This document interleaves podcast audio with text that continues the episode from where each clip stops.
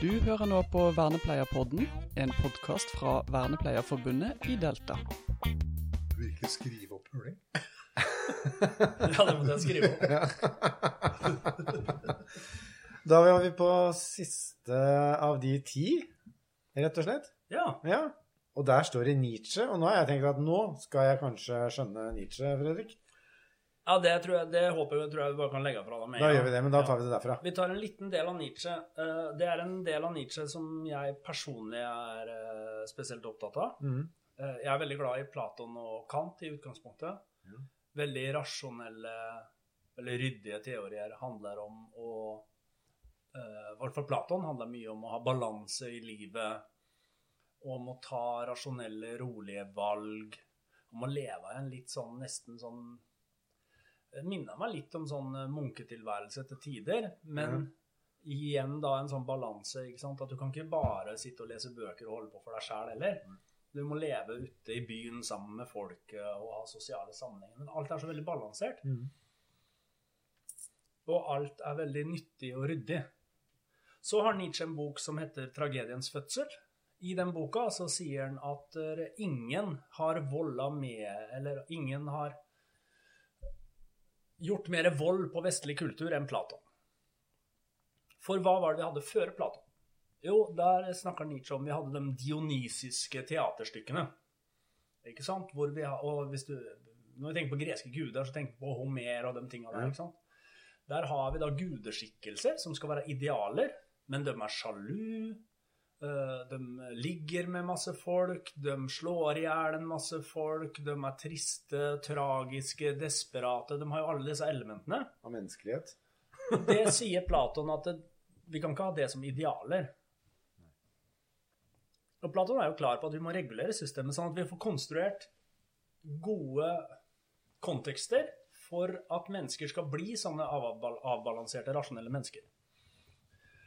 Og det her kan jo si ok, Platon var gæren, han drev jo han med det.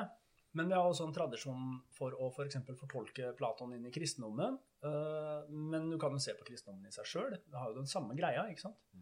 Det er den avsondra, ikke-emosjonelle måten å være på. Som vi snakker om som det på en måte For det fanger opp det guddommelige mennesket.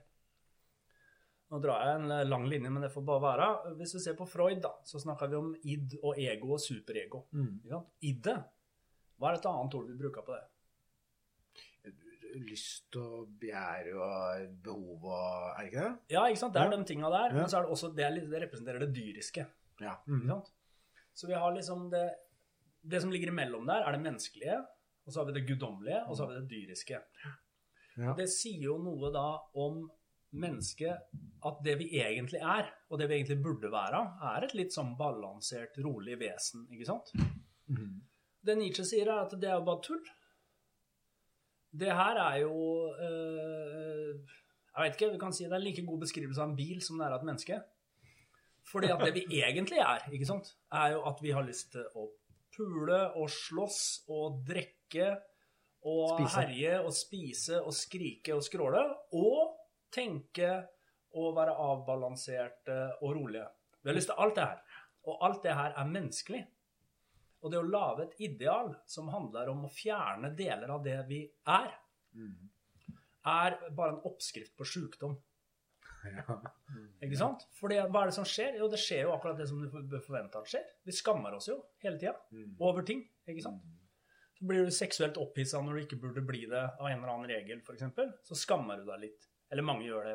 Jeg gjør ikke det, da, men mange gjør det. da. Så poenget er liksom eh, Jonas snakka litt om aksept og aksept for følelser og de tinga der. Og Nietzsche er, eh, i hvert fall i den boka der, ser jeg på på en måte kongen av det. Mm. Å få fram det poenget at vi kan ikke snakke om lavtstående følelser og begjær, på en måte.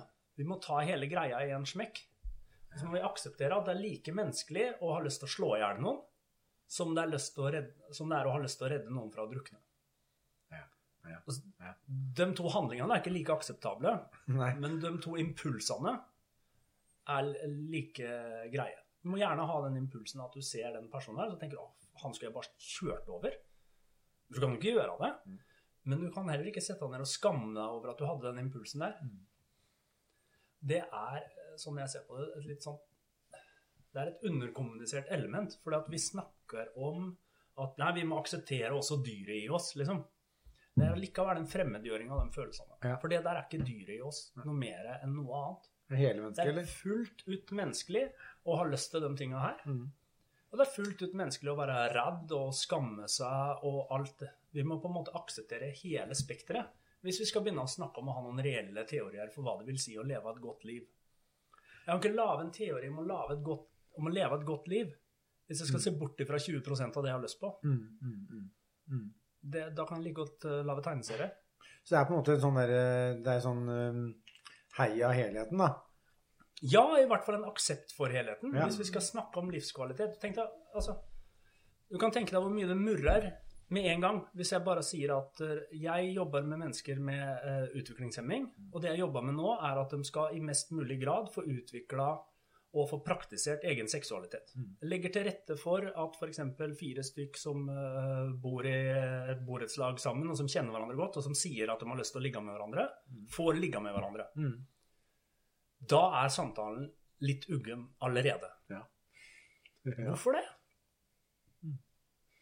Skal ikke folk få lov å ligge med hverandre? Er det så rart at de har lyst til å ligge med hverandre?